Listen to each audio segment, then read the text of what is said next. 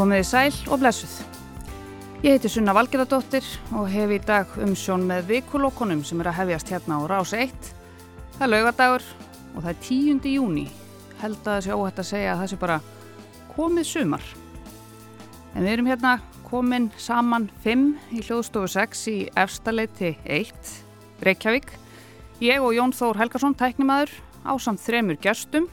Allt eins og það á að vera á laugardags morgni og hlustendur þið greinið kannski ákveðið svona staðsetningarlegt landsluta þema hjá gestum dagsins og þáttastjórnanda kannski. En gestir mínir í dag þau eru öll þingmenn. Það er Inga Sæland, formaður flokks fólksins, Ingi Björg Ísaksen, þingflokksformaður framsóknarflokksins og Lógi Már Einarsson, þingflokksformaður samfylkingarinnar og fyrirvændi formaður samfylkingarinnar. Og öll eru þau þingmenn norð-austur kjördæmis, ekki?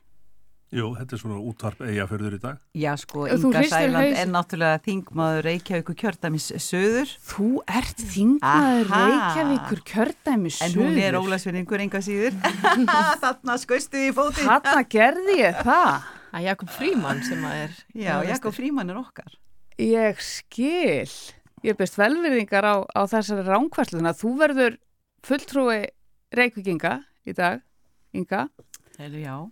Samt sem aður. Ólafs Fyrðingur en Ingi Björg og Lógi þið eru nú sannarlega Ég er alveg til að hjálpa þeim. þingmenn norð-austur kjördæmis akureyringar Já, bæði. það passar. e, það stóður enda til að útvarpa þessum vikuloka þætti frá höfustöðum rúf á akureyri en þið þurftuð að vera lengi í vinnunni í gær svo ég kom bara til ykkar Já, takk fyrir það. maður hefur nú gert maður hefur nú keirt þvert yfir landi fyrir minna. Já, takk fyrir það. uh, svo voru flugi norður þau eru eitthvað að verða upp bókuð. Hvernig er svona staðan á því? Það er svona síðustu svona stóru fréttir sem að við heyrum af samgöngu vesenni fyrir norðan er að næsir þetta litla flugfélag með stórar hugmyndir það er farið á hausinn. Já, vilt þú byrja? Og ég byrja, já, já, sko í rauninni var verkefni næsi er bara virkilega gott og, og síndi það að þörfin er svo sannarlega til staðar og þetta bæti lífskýlirði okkar sem að búum á landsbyðinni að geta stokkið út á flugöll og farið eitthvað til Evrópu. Um, það sem er samt áhugavert að þú ræðir einmitt um flugið til Reykjavíkur og, og kostnaðin líka við það sem hefur verið títt rætt um. mm -hmm. Það var prófessor einmitt á Akureyrir, Þóruður Bjarnason, sem að reknaðist það til að nú með tilkomu EasyJet að þá er ódýrar að fljúa frá Akureyri til London og svo til Keflavíkur, heldur en frá Akureyri til Reykjavíkur með Íslandir. Það er svolítið áhugavert. Já. Mjög áhugavert. Já, Ég held að þetta muni einhver tíman takast að koma á reglulegu flugi frá Akureyri og jafnvel Östfjörðum til meilandsins og þetta er eins og Ingeborg segir alveg lífsgæða mál fyrir okkur. Uh, Það er ekki nóg með að það kost okkur mikið að fara söðu til Keflavíkur og fljúa þaðan út heldur er þetta, þetta líka bara kostnaður í töpuðum vinnudögum. Já, eh, og það er alveg borðleggjandi að þetta mun ganga, það er nú bara eins og svo, með, með, með flest í lífinu að það þarf svona nokkrar atrennur að því. En varandi innanlandsflugið þá erum við akureyringar í sjálfu sér og eifyrðingar náttúrulega í frekar öfundsverði stöðu uh, við höfum auðvitað mjög góðar flugtengingar þó að flugið sé kannski full dýrt en það er nú ekki óyfirstíðanlegur ferðatími heldur frá akureyri til Reykjavík með bíl Uh, maður hefur miklu meiri áhyggjur af uh, vestfjörðunum og östfjörðunum. Það er flug lengra og dýrara og náttúrulega ómögulegt að koma sér til Reykjavíkur í bíl. Þetta tekur svo langa tíma, 8-9 klukkutíma. Og við byggum nú einu sinni til uh, samkomulega á sínu tíma þegar við vorum að brjótast í sjálfstæðis um það að við vildum koma okkur upp alveg höfuborg og hér var byggð upp öll stærsta miðlega þjónustan uh, og þá var nú hlut að því samkomulagi að við yrðum að hafa aðgengi aðinni. Þannig að samgöngumál skiptaðu þetta alveg likil hlutverki í því að, að, að, hérna, að reka þetta skrítna samfélag þar sem við erum örfá á risastóru landi. Já, þetta er alveg, alveg horrið hjá loga og í rauninni skipt líka miklu mál að byggja upp þessi innviði. Og við vorum með mitt í gær að samþykja lög varandi varafljóðallagjald sem á einmitt að renna í ríkisjóð til uppbyggingar á þessum varafljóðallum eins og á Egilstöðum og á Akureyri og svo eins líka í Reykjavík. Og vonandi þegar uh, lengra dregur þá höfum við meira svegrum líka til að byggja varafljóðalli en það er framkvæmdar full líka núna á Akureyri, það er að mér skilst verið að fara að malbygga flughlaðið og það er að byggja flugstöðuna og... þetta er að gerast en við þurfum um þetta að finna leiði þannig ég fagnar því að Sigur Ingi hafi sett þetta, lagt þetta fram og við samtíktum það á þingi í ger Það kom tilkynning í nótt frá þinginu klukkan 20.01 þá var þingi frestað mm -hmm. í ger 123 þingfundir á þessu þingi sem stóðu í 660 klukkustundir samtals. Þannig að það voru þingfundir í næstu í 30 sólarhinga þetta eru 80, ég var aðeins að reikna. Þetta eru 83 þetta eru 83 vinnudagar. Ef við tökum 8 tíma vinnudaga. Um, lengsti þingfundurinn hann stóði 17 klukkustundir og 57 mínútur 18 klukkustundir. Og lengsta umræðan var um útlendingafrömmarpið mm -hmm. og hún stóð í 100 og fjórar klukkustundir tæpar. Fjóra sólarhenga 13 vinnudaga. Þar sem rætt var um útlendinga frumvarpið þetta eru 15% af heildar fundartíma alþingis. Um, og þetta er langur tími þetta er, þetta er margi klukktímar þess að það sem að þingmenn ímest sitja að standa og ræða, ræða málinn og svo eru auðvitað nefndarfundirnir öruglega annað eins. Um, af 225 frumvörpum urðu alls 82 að lögum. Um, 164 þingsáleiktunartilugur voru laðar fram einungis 24 samþygtar Inga, hvernig fannst þér þetta þing? Það einkynast nú bara að, að, að því sama finnst mér nú að, að stjórnaranstöðu þing, þingmenn eh, hérna eru svona eins og þegar þú talar um hvað voru mörg uh, frumvörp sem urða að lögum eða hvað var þá getur nú séð hvað er mikið af því sem kemur frá uh, tæplega helmingi þingmanna sem að, setur í stjórnaranstöðu tvö mm -hmm.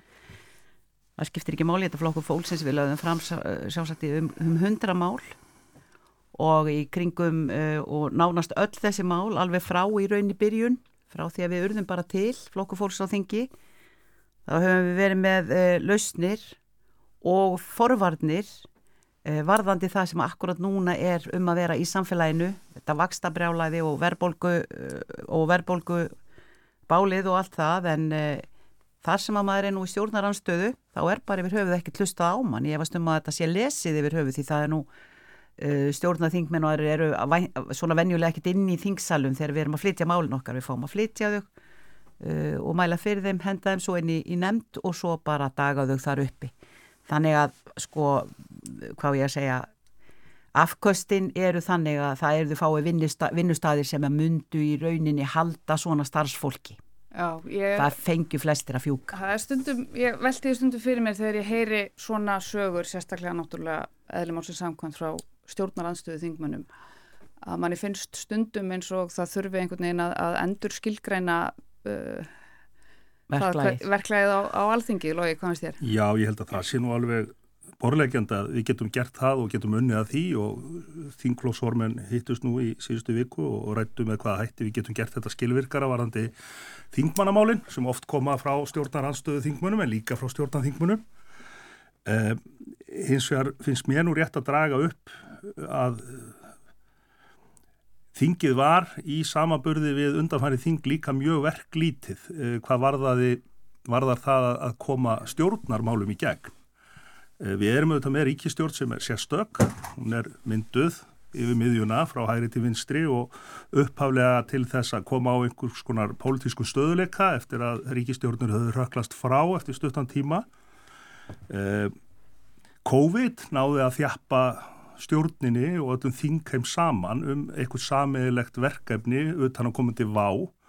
Núna erum við að glýma við annars konar vá sem er uh, erfileikar í efnaðasmálum uh, og lausnir við þeim vanda uh, kalla auðvitað fram bara ólíka hugmyndafræði flokkana og þá dugar ekki jafnvel að vera með ríkistjórn eins og þessa.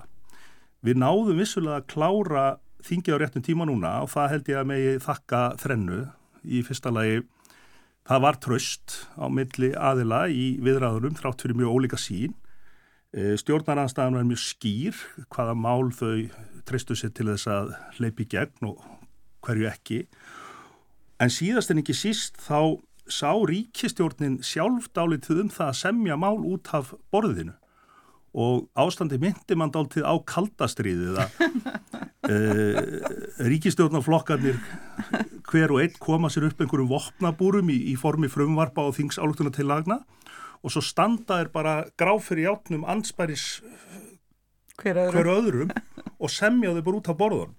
Og það voru þetta mjög mörg mál sem að ég hefði viljað sjá kláruð á þessu þingi, Haturs orðræða fórsetsar á þeirra, eh, bókun 35 og fleira sem að ég held að hafi bara ekki náð samkómalagi milli ríkistjórn og flokkana en Ingi Björg getur nú kannski sagt mér hvort að þetta er rétt tilfinning en ég held að hún sé það örglega. Það logar allt stafnan á millið af það. Nei, nei, nei, nei, nei, það er, það er þetta góður andi Ég get alveg sagt það, það er alveg góður andi á milli stjórnuflokkana en vissulega er þetta ólíki flokkar. Þú veist, það er alveg augljóst og það vita það allir með mismunandi áherslur og, og þá þarf ofta að ræða saman. En uh, mér finnst einmitt að því við vorum að fara við þingveiturinn, mér fannst þingveiturinn reyndar einkennast bara af því að, að friður, við, við náðum að vinna vel saman og það kannski líka í ljósi þess að þegar við settist niður við þinglóksformin varandi þingloka samningarna þá sáum við það að jú, það voru þarna stjórnamál sem voru langt komin. Eh, það var anstaða við þau. Ég menna stjórnar anstaðan er líka ólík innbyrðis og þar voru með vissa reglur eins og Lógi var nú að tala um það og viss, viss mál sem hann hefði viljað sjá fara áfram og meðan aðri flokkar hefði ekki viljað það Nákvæmlega Þannig að þú veist þetta er, þetta er bara eins ólíkt og, og við erum örguruglega þarna en uh, það er samt þannig að þessi mál sem að við náðust ekki afgreðast Þau fara núna eftir aðtökum bara inn í eh, ráðunitin aftur þar sem þau eru inni betur og eftir, rauninni, eftir þörfum. Einhver fara í samráðskátt og svo koma þau bara tilbúin strax í haust og þá náum við vonandi bara að klára þau hrætt og vel. En stóra vandamáli eru þetta að burt sér frá öllu þessu málun sem við höfum nefnt hérna að við erum með gríðarlega mikla erfiðleiki efnaðasmálum sem að bytna mjög illa á uh, afmörkuðum hópum, þetta efna minna fólki, ungu fólki sem að kom sér upp íbúðum fyrir nokkrum árum síðan og, og, og stendur frammi fyrir náttúrulega brjálæðsluðum vaksta hækkunum og þá er einfallega bara ekki bóði að hafa ríkistjórn sem er meira og minna getulöst til þess að koma fram með alvöru aðgerðir. Þau kynntu sent og um síðan meir 36 miljardar króna aðgerðapakka til þess að takast á við verðbólgu. Eh, þegar það var ringt í þetta þá var þetta meir og minna gamalt vín á nýjum belgjum endurunnuð upp úr gömlum fjármála áallunum eh, þau gáttu ekki sagt eh, hvers þau væntu sjálfa þessum aðgerðum. Hvernig þau spáðu að verðbólgan myndi mögulega þá lækka eina sem að fósætsræður að sagði ítrekkað verðbólgan mun aftur fara niður og það er nú jafn merkilegu spá, hérna, spádómur eins og ef þú kastar upp bolta þá segja hann muni koma niður auðvitað vitum að verðbólka kemur niður en við þurfum að hafa einhver svona tímasett plön um það. Hvers fólk geti vænst? Og þetta hætt... rýr bara hérna, þú veist, tröstið mun bara minka og minka þú veist, við, við svona sleifarlag. Mhm. Sko það eru engar sko bara í framhald af þessu sem Lógi segi það eru engar beinar aðgerði til að raunverulega ráðast að rótumvandans til dæmis eh, flokku fólksins hefur mælt fyrir því alveg frá því við komum bara nánast á þing þá talaðum að taka hann húsnæðislið út úr vísitölu. Það væri bara allt annað landslag í, og hefði hefði verið allt annað landslag hvað lítur að verðbólkunni því við, við vitum það öll og það vita það allir að það er húsnæðismarkaðunum sem núna hefur í rauninni kyrt þetta rosalega áfram, það voru óbúslega mikil, miklir erfileika þar en, en þegar að, að logi talar um að að fósættis ráð þegar að segja að, verð, að verðbólka myndi að, endingu höruglega koma niður að þá uh, vorum við Guðmundur Ingi til dæmis þegar við vonum tvö á sínum tíma þarna í 2020 uh, þá erum við, þá erum við komin í COVID og, eh, og við erum að tala um hvað þau ætla að gera, bæði óundibúinu við Bjarnar og Katrínu, hvað þau ætla nú að gera til þess að e, svona mistakosti taka á móti þeirri verðbólgu sem að væri handa við hodnið og þeim bar nú bara algjörlega saman um það að við værum nú ekki alveg með full FM hvað þetta var það því það væri engar áhyggjur að hafa af einni eða einni verbulgu og ekkert sínilegt í komandi framtíð að væri eitthvað, e, einhver ókyrði efnahagsmálunum e, sko þannig að það sést nú alveg að þau hafa ekkert sérstakka spátumskáfu þó að sennilega og við vonum að, að, að fásettisráðar hafi rata satt orð á munn og hún muni koma neður verðbólgan fyrir rest sko. En spátumskáfa þeirra er ekki góð og, og fram, framtagsemi í því að, að takast á við þessa erfileika sem, sem að þjóðin er að glíma við núna e, e, þá bara förum við í sem sagt sumarfrí ef ég hef verið fósettisráð þá værum við að glíma við verbulguna og við værum að taka á henni og skildum ekki hennan blessaða seglabankastjóru eftir og svörsturloftum að ekka stýrivexti 13 sinnum og, og kannski pluss 13 viðbútt, ég veit það ekki. Ingi Björg má bjóða þeirra að taka upp hanskan fyrir ríkstjóðnina. Já, já, ég, ég get alveg komið inn í sömræði, bara takk fyrir. Sko, í rauninni tekið undir það að stóra verkefni núna, okkar allra, er að takast á við verbulguna. Það er bara á að vera verkefni nummer 1, 2 og 3 en við sjáum líka því það var verið að nefna COVID hérna, við sjáum það að aðgjör ríkistjórnarinnar í tengslu við það það tókust vel og skiluðu sér. Við sjáum það að Íslands efnahagslífi er búið að taka vel við sér, bara virkilega. Við komum góðan stað þar, mikill hagvöxtur og það sýnir það líka að eh, afkoma ríkisjós er 90 miljörðum meiri heldur náallan gerir ráð fyrir. En það breytir samt ekki, ekki, það breytir samt ekki stöðunni eins og hún er. Við getum alltaf verið að horfa í baksinni speilin og bent á já, það já. sem vel var gert já, og allt svo leiðis en, en uh, þetta er ekkert bara ynga og, og logi sem er að gaggrýna þessar aðgerðir uh, ríkistjórnarinnar sem að eða þannan pakka sem var verið að leggja fram um að uh, þetta sé bara einfallega alls ekki nóg og, og eins og ynga bendir á, nú er bara þingi komið í sumarfrí við veitum ekki hvort að, að sælabankarstjóri sé komin í sumarfrí, við skulum aðeins uh, geima handlar til síðar í þessum þætti. Sennilega fljúa, fljúa flest allir til útlanda þó þið segi, segi almenningi að sitja heima og, og, og og naga neglutar og alls ekki eða peningum í ferðar það er nú samt þannig að þó svo að þingi sé komið í frí þá er uh, í rauninni ráðneitin og ráðherrar og starfsmenn ekkert varnir í frí. Það er verið að vinna að þessu já já, hörðum höndum, ég menna við breytum ekki, ekki lögunum núna ef einhver aðgerri komið fram en það er samt verið að leggja áherslu á ekki aðhald. Og við þurfum í rauninni öll að slábyrða á þessu. Það er við sjáum það að hækkanir húsnæsverði það hefur hægt á þeim en hins vegar sjáum að matverur eru líka hækka.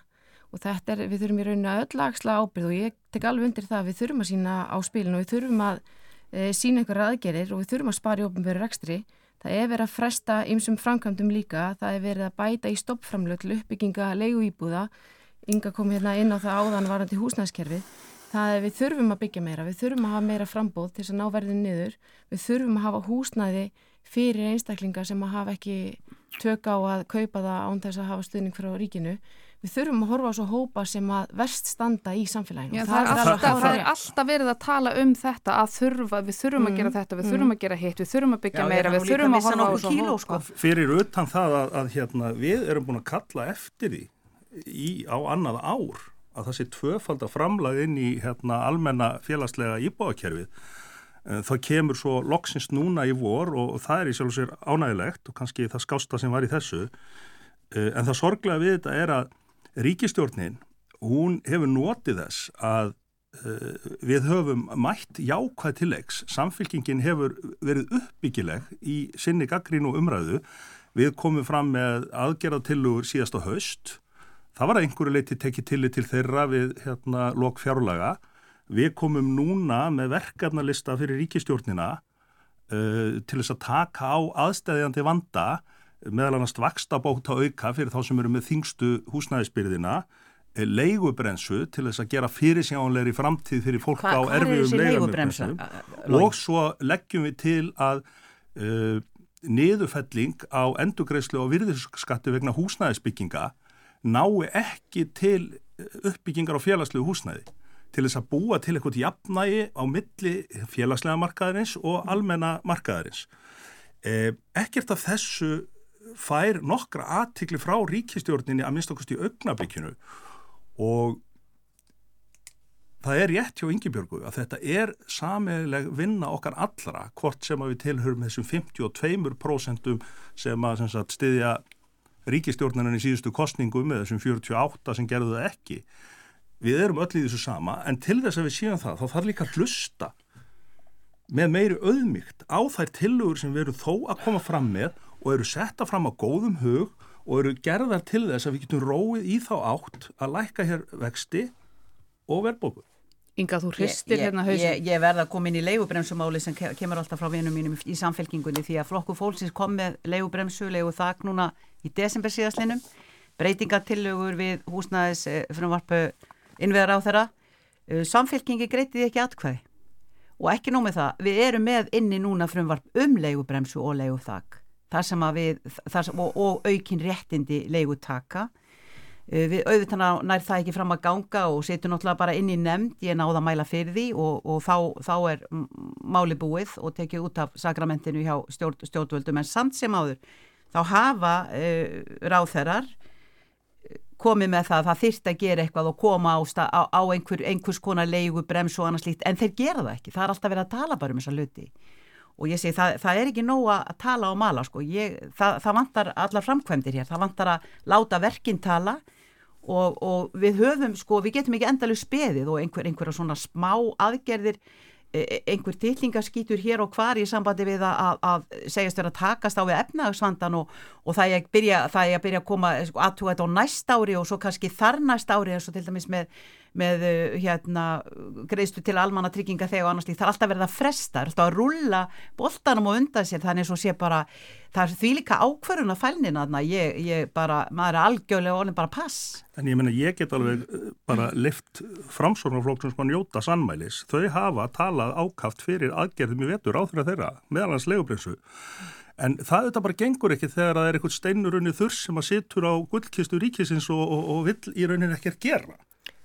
Já, já, það er bara, mér langar bara að taka fram hérna, það hefur verið komið fram líka ofinbelli að við erum að vinna því og sapna upplýsingu varðandilegu bremsu, þannig að það, það er í vinslina ríkistjórnar. En ég veldi sapna hvaða upplýsingu, það, hvaða verið, upplýsinga þarf að sapna? Þegar að vera að fara í svona aðgerði þá þurfum við líka að horfa reynslu annar staðar hjá öðrum þjóðum og það þarf að kanna hvað áhrif þetta hefur á markaðin hér, þannig að við séum að leggja þetta fram með ábyrgum hætti. En, þú að Það var bara 2,5% takk fyrir, má ekki hækka meira já, kannski á x tíma og meðan erfileikandir eru, heldur þau einhverja rannsókna skýstur í kringu það? Ef við má koma staðinga, þú veist, þá er alveg, þá er ekki rétt að það sé ekki verið að gera neitt, þú veist, það hefur verið, við hefum verið að hækka uh, almann tryggingar og það má alveg rögra það hvort það hefði átt að vera að hæra eða ekki, þú veist, það er bara mismundi skoðan á því, það er samt verið að gera það. Mm. Það er líka til þess að húsnæðsbæti skerðist ekki á móti, þá er verið að hækka frítekjumark þeirra líka, jáfnframt þessu og veist, það, það, það er verið ráðist í aðgerið til þess að uh, byggja meira. Og það er það sem við þurfum að gera líka. En þetta er alveg ávikefnu ég tek undir með félagum minnum hérna. Við þurfum að hlusta á fólki í landinu. Það er afar mikilvægt. Og við þurfum að hlusta þá sem verst standa og mæta þeim einhverjum hætti það er verið að stúst, við erum búin að hækka barnabætur og húsnæsbætur en það þarf samt sem móður og það er alveg rétt og við erum stöðut á vaktinu með það hvernig við getum hugsalega mætt þeim sem verstanda. Mér lákar aðeins að, að grípa þetta, Inga, þú uh, það var á miðugdagskvöldið að með minnir, ég held ég sé að fara með rétt mál núna uh, eldúrstags umræður mm. þar sem að þú last upp úr nokkrum tölvupóstum frá mm. uh, fólki mm. sem að eru reyna að kalla ja. eftir bara hjálpaði mér upp. Já, bara, bara ne neyðaróp bara. Um, hvernig er þessi tilfinning eins og fyrir þig? Núna hefur þú alveg frá því að þú svona stegst fram í, í hvað hefur maður kast, ljós, fjölmiðlana og stjórnmálana talað fyrir hönd þeirra sem vest standa fjárrakslega þú hefur talað mikið fyrir því að, að og kannski flokku fólksins helst af, af öllum flokkum að útrýma fátækt í mm. landinu sem vissulega eftir staðar Hvernig er þessi tilfinning að vera fulltrúi eh, í rauninni, fulltrúi þessa hóps? Er þetta ekki, er þetta ekki svolítið erfitt? Jú, það er það náttúrulega og oft, oft maður er oft sorgmættur og, og vannmáttur og, og finnst uh, maður vera vola einski snýtur að geta ekki komið þessum málum í gegn að, að það skulle ekki vera tekið utanum til dæmis einfalda hluti sem kannski kosta ekki mikla peninga og væri hægt að sækja þá annað til þess að, færa, við erum alltaf að tala um að það er að dreifa í rauninni sko auðafanum okkar jafnar á, á þegnana og, og reyna að brúa þetta bíl á milli ríkra og fátakra vegna þess að það eru tvær þjóðir sem búa í þessu landi og það er algjörlega reyna línur og það eru bara þeir sem alltaf eiga og henni sem, sem að ekki neitt og er, eru alltaf í vandræðum. En, en ástæðan fyrir því að maður, ég tek þetta svona rosalega stert inn og svona þar af því að veit það á öllu hjarta í hvaða spórum og hvernig þessu fólki líður. Ég er búin að vera þarna sjálf. Ég virkilega þurft að hafa fyrir e, mér og minni tilveru og okkar fjölskyldu á, á erfiðum tímum. Þannig að þetta er alveg skelvilegu staður að vera á allt þetta vonleysi og, og þegar maður er vannmáttur og getur ekki í rauninni þó maður hlaðin að vilja til að gera það að get ekki hjálpa sér, það er alveg bara það er bara skelvileg já, tilfinning og vondur staður að vera á en, en hérna, já það er mjög sorglegt það er mjög sorglegt hvað, hvað er, eru mikil bájindi og hvað ég finn mikil, mikil þunga, það er alltaf fleiri og fleiri sem er að, sem er að skrifa, það er alltaf fleiri og fleiri sem er að kalla mm -hmm. og og ég get ekkit annað gert heldur en að reyna að hafa hátt í ræðustólnum og, og vekja aðtegli og ég, ég, ég tel og ég sé að uh, það hefur verið uh, sett á í rauninni orðræðan um fátakt í samfélaginu, hún er komin og ég er að vona hún sé komin til að vera þannig að, smám saman fari blinda auga þeirra sem að, að hafa í rauninni ekki látið sig þetta fátaka fólk varða að fari kannski aðeins að líta til þeirra betur og átta sig á því þetta er raunverulega svona í samfélaginu. Það eru raunverulega 2000 einstaklingar hérna sem að, sem að eiga, eiga virkilega bátt. Mm. Þeir eru að hlusta á vikulokkin þið sem voruð að koma að viðtækjunum. Ég heiti Svona Valgeradóttir og með mér í dag eru norðlendingarnir, þó ekki allt þingmenn, norður lands, Inga Sæland, Ingebjörg Ísaksen og Lógi Már Einarsson. Um, við vorum að ræða hér um ræðu Ingur Sæland á eldúrsdeginum í eldúrsdagsumræðum alþingis núna á miðugdagskvöldið og það eru önnur hér sem sittur hér sem held ræðu á eldúrsdeginum Ingebjörg, þú, uh, þín ræða var svona svo litið öðruvísi heldur en uh, þar sem að allavega flestir þingmenn, það voru þarna 16 þingmenn sem heldur ræður, eitt ráð þeirra uh, lang flest töluðu um efnagsmálinn einhverjir töluðu um í rauninni út, útlending, það var líka svo litið svona útlendinga þema þú talaður um slaufunarmenningu. Og uh, alv, og í rauninni þær afleiðingar sem slaufunarmenning uh, hefur á þá sem verða fyrir henni, er rauninni þeim sem er slaufað. Og mér langar aðeins að, að ræða þetta. Mér finnst þetta uh, áhugavert og þetta er auðvitað mjög þarft og, og Eva Heiða Önnudóttir stjórnmálafræðingur hún sagði uh, eftir að uh, ræðunum lauk að, að þetta hafi nú ekki verið rætt mikið í þingsalnum þetta tiltekna mál, fókusin er eðlilega yfirleitt alltaf á, á þólendur brotana og með því að, að ræða um þá sem að brjóta eða eru sakæður um að brjóta á þá eru við ekki að gera lítið úr afleðingum uh, þeir, uh, þeim afleðingum sem að þólendur verða fyrir.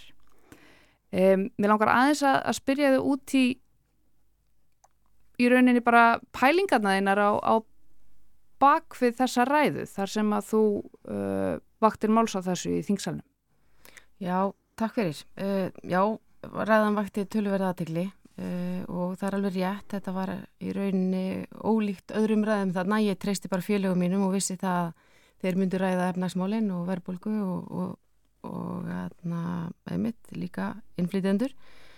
En þetta hefur í rauninni verið í maganmámi lengi og ég undirbjóð þetta vel í rætti við fjöld aðila bæði innan og utan stjórnmáluna vegna þess að þetta er viðkvæm umræða og maður þarf að bera virðingu fyrir öllum aðilum og sérstaklega þólundum ofbeldi svo við höfum aldrei að samþykja ofbeldi alveg í allri sinni mynd og ég held að ekkert okkar geri það. Nei og ég held að það sé líka bara ágætt að, að taka það fram strax að með því að taka þessa umræðu þá eru við ekki að gera lítið úr uh, kynferðsbrotum eða ofbeldi eða að uh, segja að það sé á einhvern hátt ósangjant að þeir sem beita ofbeldi að þeim sé refsað á einhvern hátt en hins vegar uh, er þessi, þessi slaufunar uh, menning í raunni mm -hmm. þetta að það að slaufa fólki mm -hmm. fyrir brot eða meint brot þessi Já. umræða er erfið og þú hefur ákveðið að opna hana Já, mér finnst bara rosalega mikilvægt að við ræðum þetta því þetta er að hafa áhrif á fjöldafólks og í raunin að því að við nú tökum við þólendur út fyrir uh, svegan, ég er ekki að tala um þá heldur er ég að beina orðum mínum að þriðja aðila og jafnvel fjórða aðila sem eru ekki aðilar að málunu og þekki jafnvel ekki til málsins en þeir tjá sig Við getum líka bara, uh, þannig að uh, vegna að ég tók líka eftir í þessum eldúrstaksumræðum að Jótís skúladóttir, þingmaður vinstri grætna, hún steg í pontu og sagði ég trúi þólendum mm -hmm. eftir þína Mhm. ræðu. Mm Uh, ef við bara ímyndum okkur núna þegar við tölum um, um fanga og aðbúnað fanga í fangelsum á Íslandi og þeirra sem að uh, já, eru í fangelsi eða eru að býða eftir refsingum. Það verðist alltaf vera allt í lagi. Við getum yfirleitt talað um fanga án þess að uh, gera lítið úr þeim brotum sem að þeir fremdu. Þannig að það er kannski bara ágætt að, að bera þetta saman. Þetta er einhver hópur sem að þú ert að tala um, fólk sem er slaufað eða hvað og aðstandendur þeirra. Já, sko, í rauninni, þú veist, það, þetta er í rauninni öllum lögum samfélagsins, uh, þeir sem verða fyrir slöfun. Þetta geta verið þólendur, þetta geta verið myndi gerundur. Þetta eru líka stundum ásakanir þar sem, engin, þar sem engin kæra liggur fyrir. Og í rauninni þetta er án dóms og þetta er án laga stundum, í einhverjum tilfellum. Og málin eru eins ólík og þau eru mörg, en það sem að ég hef orðið vörfið og sérstaklega eftir ræðina mína, ég fengi alveg gífurlega viðbröð við þessu, allskins einstaklingar að senda mér einmitt skilabóð, uh, tölvupósta, það sem það er þakka mig fyrir að opna þessu umræði því að þetta er alvarlegt. Við erum með líf fólks í höndunum. Við erum að taka einstaklinga og óharna einstaklinga, ungmennin okkar og það er að slaufa þeim. Þau eru, þú veist, í rauninni, skólar eru að hafna þeim. Þau eru að hætta í skólum, þau eru jafnvel að flytja erlendis að þau get ekki verið inn í samfélaginu sínu. Börnin okkar ungmenn er að spekla þessa hegðun. E, e, við sjáum það líka að vinnustadi til dæmis, þeir treysta sér ekki til þess að ráða einstaklinga stundum vegna orðrums. Það sem engin kæra er uh, á bakvið eitthvað svo leiðis og ég er að benda á það því að við eigum að taka alvarlega á öllum brotum og við höfum réttar kæri til þess og það eru brot, brotalamir þar og það, ég vakti líka uh, aðtikla á því í ræðinu minni að við þurfum að vinna þar bara mikið verk. Það er búið að gera ímislegt og það er vinn í gangi en við þurfum að halda því áfram.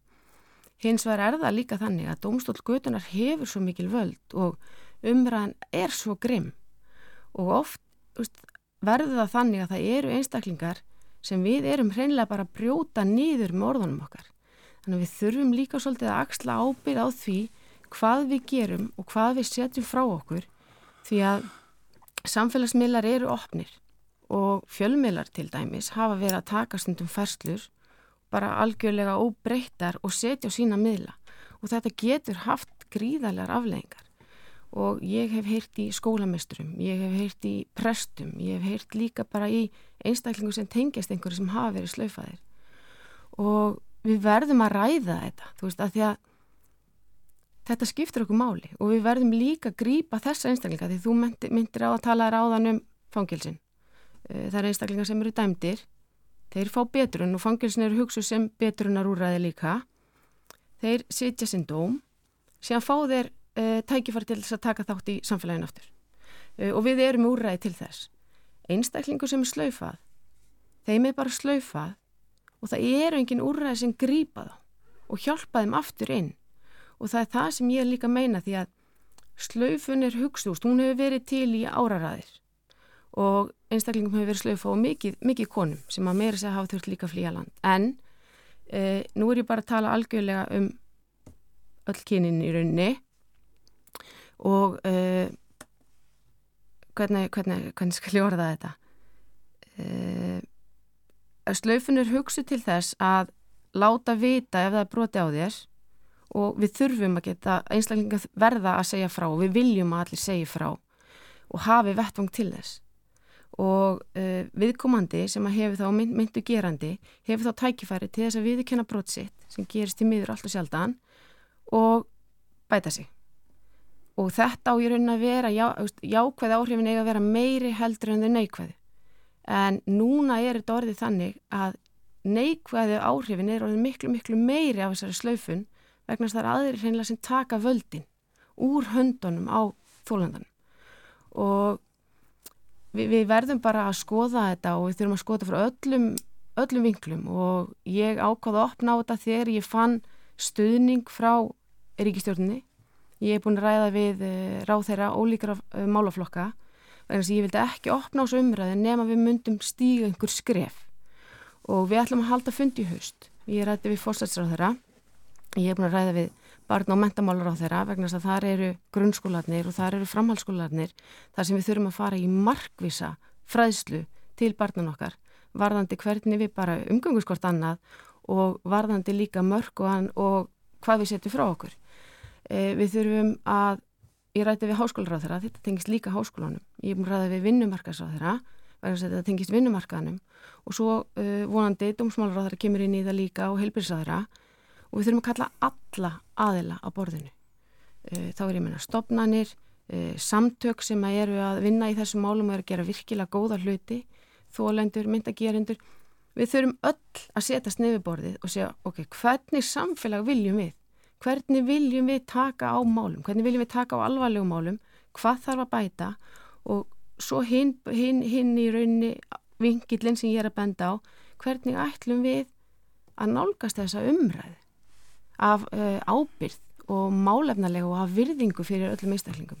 Og það er einfallega það sem ég er að benda á. Ég er ekki að taka ástum einum eða einum heldur ég bara að benda á það að við erum komin á vondan stað þegar við erum að taka völdin í okkar hendur og dæma einstaklinga og oft einstaklinga sem við þekkjum ekki og uh, algjörlega án dóms og án laga og þekkjum ég ekki til málsins, mér finnst það alvarlegt og það er ábyrða hluti okkar að ræða þetta mm. og já, ég er bara, ég hef miklar, miklar ágjör af þessu. Já, þetta er bara alveg ótrúlega flókin veruleiki sem við lifum í og það er bara mjög flókið yfir höfuð að vera manneskja og, og sennilega aldrei verið erfiðar að fóta sig sko heldur en núna í þessum hérna, tæknavæta heimi með þessum samfélagsmiðlum og, og, og guðminn almáttu hvaða miklu einfaldar að vera unlingur þegar ég var það fyrir einhvernum áratugum. En við getum hins vegar ekki tekið þess að umræðu bara út frá einum hóp.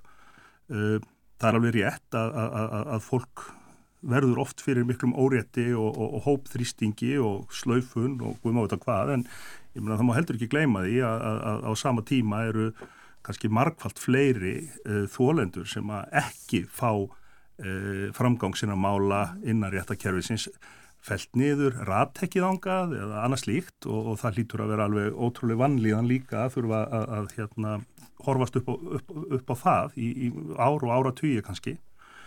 Þannig að þetta er eh, allavega umræða sem ég treysti mér ekki til þess til að hérna að, uh, hveða skýrt úrum Nei, það er nefnilega einmitt gera, En við þurfum hins vegar að ræða þetta auðvitað. En það er einmitt málið Þetta er umræða sem að þú miðaldra kvítur mm. kallmaður þér finnst flókið mm. að taka þessa umræðu ja, vegna, og ég meina þú fer strax í það að, að segja já en þólendunni þeir eru markvallt fleiri uh, rétt og, og þess vegna er þetta líka finnst mér sérstaklega áhugavert að, að þetta er þetta er umræða sem að er rosalega erfitt að taka mm. og hún er rosalega eldfim og það er mjög auðvelt að uh, í rauninni þakkana niður vegna þess að við stöndum jú með þólendum uh, Inga, hefur þú einhverjar Ég, ég segi, ég, við þurfum náttúrulega að ræða þetta vegna þess að ég tek undir með Ingi Björgu og, og náttúrulega Loga líka. Það, það er náttúrulega, er grav af, alvarlegt þegar að þegar ungt fólk er hennilega tekið bara hennilega úr sambandi í samfélaginu án dómsólaga og ekki nómið það að jáfnvel þegar ungur einstaklingu stígur fram og, og hefur farið yfir mörk hjá einhverjum öðrum einstakling og hann viðkenni það ofinbellega þá fyrst er hann nú komin í, í vond mál sko að segja fyrir gefiði ég, sé eftir því sem ég gerði og við þykja miður og, og einstaklingun hefur ekki verið kerður eða eitt eða neitt. Við búum uh, í, í, í landi sem að við viljum kenna við eina sanna rétta ríki við erum með dómskerfi, við erum með þrískiptingu valdsins. Já en það hefur og, náttúrulega verið sínt, það er ástæða fyrir þessari slaufinumenningu að það hefur verið sínt fram á það ítrekkað að sérstaklega í kynferðsbrotamálum þá virkar þetta kerfi ekki. Já það er það sem ég ætlaði að segja Já. en þetta er sannilega afleiðing af því einmitt, það eru örfá prósent af öllum í rauninni ofbeldisbrotum ekki bara, ekki kynferðisbrótum bara, bara nöðgunabrótum, heimilisofbeldi og öðru slíku en það var nú, það var nú eitthvað, eitthvað verið að gera, við erum búin að vera að reyna minnstakosti að, að styrkja þær stóðir einhverju leiti og taka í rauninu ofbeldisbrótin framar í, í, í réttar, réttarkerfinu og, og setja þau meira í forgang. En, en sko við erum einhverstað svo langt, langt bara aftur, aftur, aftur á, ég veit ekki hvar sko, með, með nákvæmlega þetta, þessa þróun. Við þurfum að gera miklu betur og sína það út í samfélaginu að einmitt réttarkerfi sé að raunverulega virka og þannig að, að fólk sko það finnur það, það, það, það næri ekki fram að ganga það bara hreinlega sko, þólendur, þeim er hreinlega slaufað úr, úr réttarkerfinu og, og, og bara og, og málinn er að fá, ná ekki fram að ganga og þau sjá það viðkomandi gerandi sem hefur, sem hefur hérna, beitt það ofbeldi og honum er ekkert refsa mm.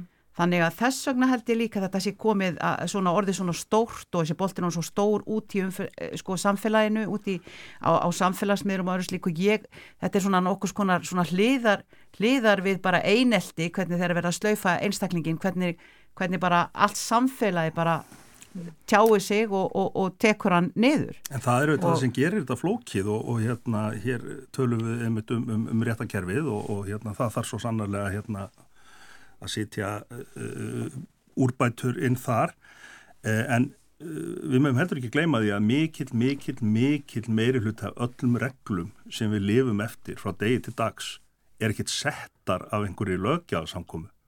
Það eru bara uh, einhver svona, einhver, einhver svona síðareglu sem við erum svona í bara aldana ráspun og koma okkur upp það þarf ekki að það þarf ekki að setja allt á blað sem eitthvað við gerum svona, ekki Mátti þetta einhver tíman?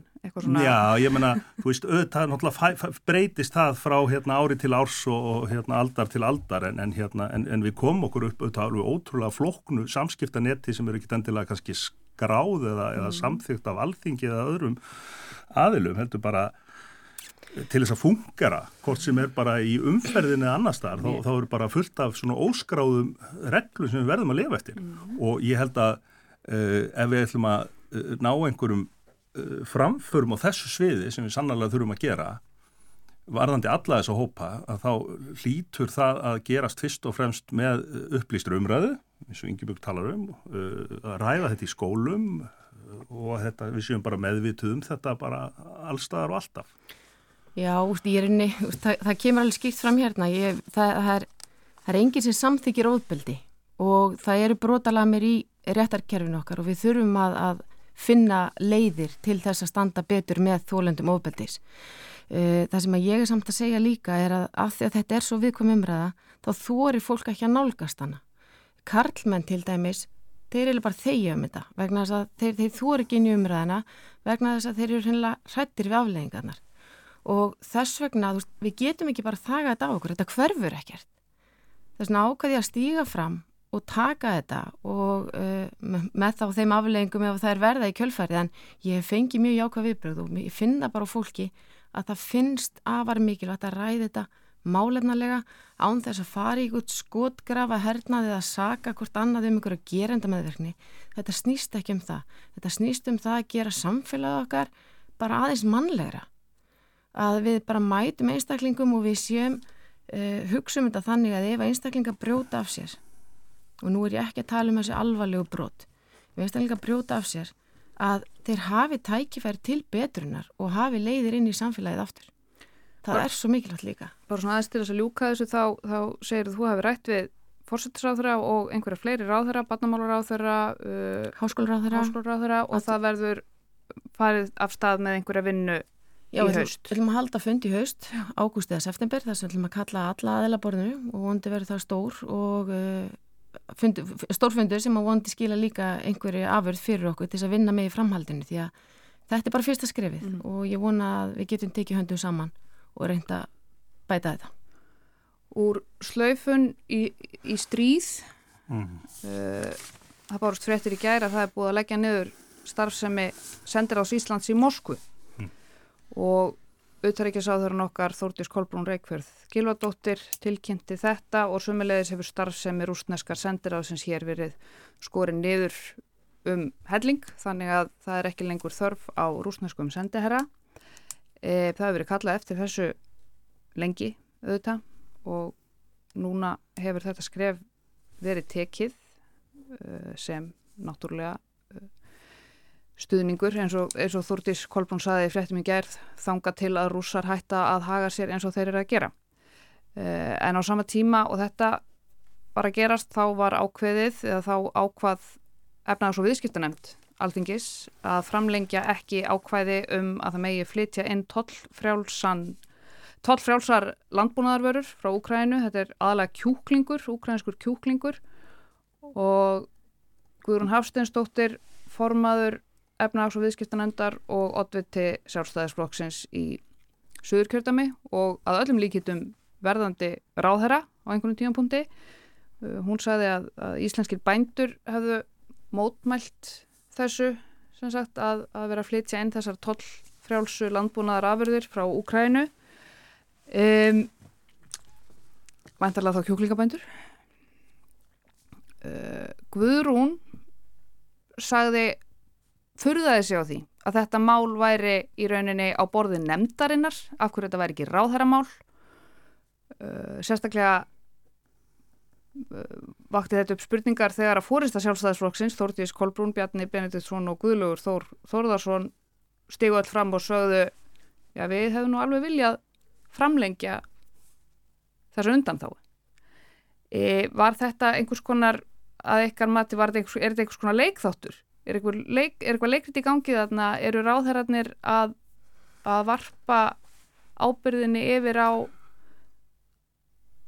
yfir á þingnemt sem að hefði annars átt einhverju máli sem að hefði annars átt að vera bara ríkstjórnumál Já, ég held að báðir aðalega sé nú kannski bara að vísa hvort og annan og, og, og báðir hefðu þetta getað bara afgreitt þetta mm -hmm. það hefði verið eðlilegast að ríkstjórnin hefði bara komið fram með mál um framlengingu, það er bara einfalt, einfalt breyting á dagsetningu hins vegar hefði nefndin líka ef hún hefði verið einhuga hún hefði getað tekið málið upp og afgreitta mjög hratt og öruglega eins og við gerðum til dæmis varðandi uh, þingsálutunar tilugun um, um, um, um hérna, brotnám barna frá Úkrænu, þar tók nefndin, auðvitaðriksmálu nefnd, bara málið upp og, og það var miklu einfaldari ferill að því að veist, það er sömu aðlar sem eru bara fjalla um það allan tíman uh, og þetta hefðu auðvitað geta gert. Uh, ég kallaði til dæmis eftir því uh, fyrsta júni í tölvupósti til Guðruna Haftinsdóttur og annar nefndamann efnars og viðskipta nefnd að málið yrði tekið upp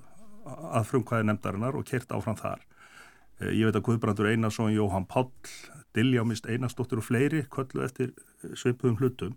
Þannig að hér eh, hafa menninga afsökun og það er bara mjög mikilvægt að við séum ekki að blanda saman almennum áratuga deilum um totla fram og tilbaka við þessa umræðu.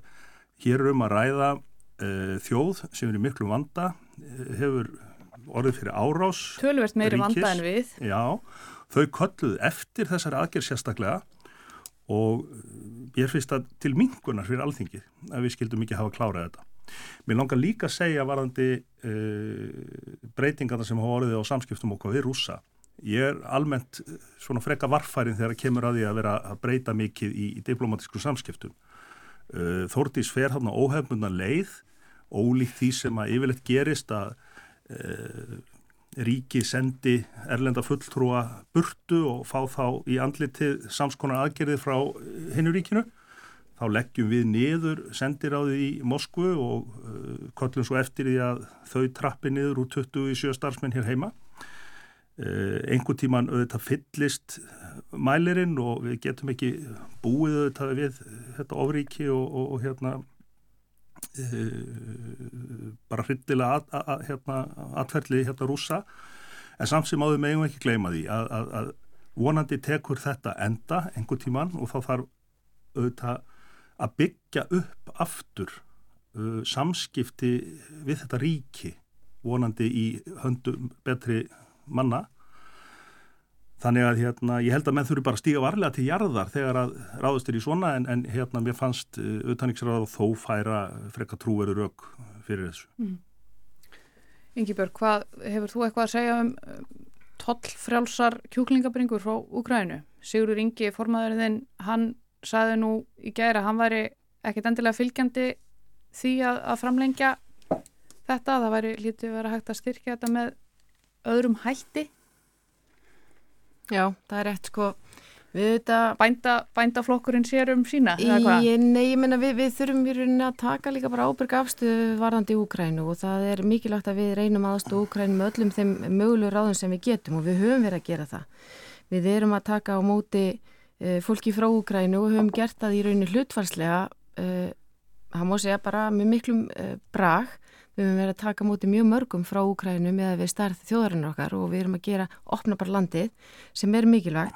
Við höfum líka verið að fjárfesta í færilegu sjúkrahúsi, þar tókum okkur saman um það eh, sem einn þjóð, lítil eiga í Norður Allandshafi og meðan aðra þjóður eru jafnvel að taka sér saman um að kaupa eitt færanlegt sjúkrahús. Það skiptir greiðlega miklu máli. Eh, ég er á þeirri skoðun að ég persónlega hef við að skoða aðra leiðir til þess aðstóð Úkrænu með einhverjum öðrum hætti Við þekkjum það til dæmis að það hafi verið gerðið samningu við össur þegar svona hefur borið á að koma einhver aðstóð þarinn eða kerisis. Það er nú aldilis, össur er nú aldilis í Ukrænu. Já, já. þannig að þú veist það er að gera kannski með, með sterkari hætti þar, ég veit ekki, ég menn það að þetta hefur verið rætt og e, það er ekkert útilokað að neitt verið gert fyrir Ukrænu þó við höfum ekki stígi skrefi núna. En ég menna er eðlilegt að, að, að við flytjum inn í einhver tíma toll frjálsar kjúklingabringur frá stríðshrjáðu landi og bændur hér segja að það sé að, að í rauninni bara setja starfið þeirra í uppnám. Við hefum alveg getað gripið þá til einhverjar aðgerða fyrir bændur líka hér innanlands. Uh, ef við beinum öllum stuðningi að erlen, íslenskum fyrirtækjum sem eru að sinna góðu starfi í Júkræn líka, þá eru við náttúrulega kannski að hugsa fyrst og fremst um íslenskt efnaðarslíf. Uh, þetta er ósk sem kemur frá Úkrænumunum. Mm þessi tiltekna aðgerð og uh, við eigum að vera fólk sem að stendur með þjóð sem er núna að bara heia baráttu fyrir hérna mikilvægum gildum sem að við höldum á lofti, frelsi, líðræði, sjálfsárkonar rétti þjóða. Og það er bara lífur óður, fennlega.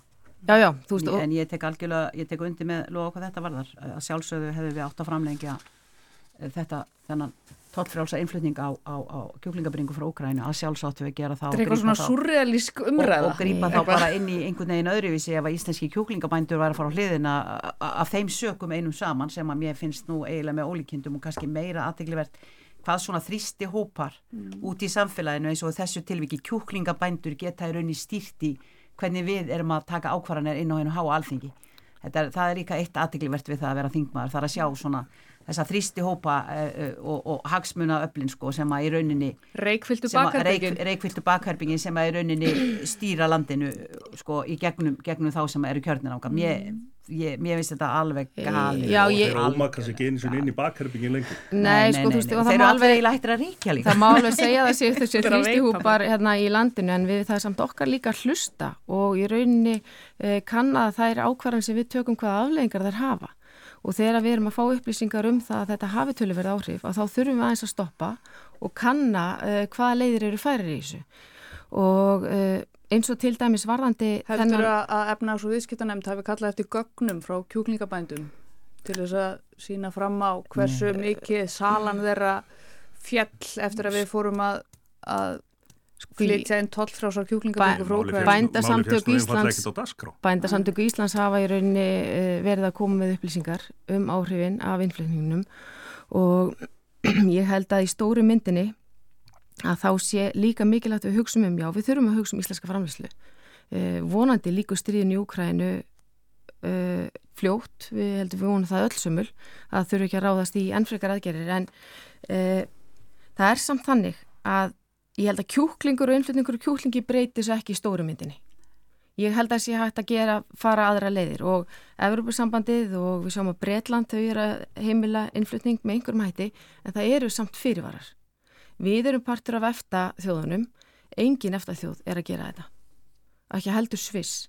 Þannig að veist, við, við, við þurfum samt bara að skoða hvaða leiðir eru farið í þessu og það var að tala um það að þetta hefði farið inn í efnars og viðskiptanemnd. Það er einmitt stundum leiðin sem farin er, sérstaklega þegar þetta er í lókþings og tími knappur, en það var ekki samstað þar inni um þessa leið, þannig að þá þurfum við bara að halda áfram og skoða hvaða leiðir eru færa til þess að styðja betur Úkræn. Og það er rétt að halda því til haga að hver einasti einstaklingur í allri Evrópu hefur orðið fyrir óþægendum vegna þessa viðbjóslega stríðs, auðvitað engin meira heldur en Úkrænum en sjálfur. E, þetta er herrkostnaður við það að, að, að verja í rauninni þessi gildi sem við erum að berjast fyrir og Ukrænum en þurfa að vinna þetta stríð og e, ef að það hefði komið á daginn að þetta myndi skapa einhver vandamál fyrir íslenska landbúnað þá hefur verið auðvelt fyrir okkur að bæta íslensku landbúnaði það með einhverjum hætti að þess að láta það bitna á úkrænumum. Já, það er, það er ein, eina aðgerðarum sem er verið að skoða. Það er verið að vil heimumlum uh, einhvern innflutning með einhverju þaki að það verið einhverju mótvægsaðgerir uh, á móti og það, það er eitthvað sem er í skoðun líka. Þannig að það er ekki búið ákveð að gera ekki neitt. Við séum búin að vera hérna í heilan klukkutíma á þess að tala um það stríð sem er að geisa hér heima. Mm. Það, við erum að glíma við stríð líka hér heima gegn ópjóðafaraldri og gegn ótímabærum döð, döða tuga ungmenna frá áramótum. Og hvað gerum við í því? Ég vildi fá nákvæmlega sömu fjárhæð til dæmis í það stríð. Þegar ég samþykti sjúgrásið fyrir stríðsráða úgræðinu þá sagði ég það var líka bragur á því að við settum sömu fjárhæð í það að taka utanu það stríð sem geysar hér heima og hjálpa, hjálpa í barátunni gegn, gegn ópjóðafaraldrin Ópjóðar við endum þetta á hressum nótum kjúklingabringur og ópjóiða faraldur. Ég ætla að gefa mér það að um helgina, allavega eftir helgina, fariði norður eða hvað? Já, það stefnir í 22 gráður á mánudag og ég ætla að vera að koma í þanga þá. Svona, svona, svona. Já, ég verð að horfa dóttir mín að keppa á sundbóðunum um helgina og svo stefnum við mitt á Norðurlandið á mánudaginn. Já, ég ætla að fá 22 gráður á pallin hérna í Reykjavík og fara að taka til eftir veturinn heima hjá mér. Flott er, við erum komin að leiða lokum í viku lokonum en þau verða hér á sínum stað að rása eitt eftir nákvæmlega viku. Ég heiti Sunna Valgeradóttir og stjórnaði þættinum í dag á samt Jóni Þór Helgarsinni, tæknumanni. Viðmælendur voru þingmennir Lógi Mór Einarsson, Inga Sæland og Ingi Björg Ísaksen. Takk fyrir að leggja vel hlustir og njótið helgarinnar.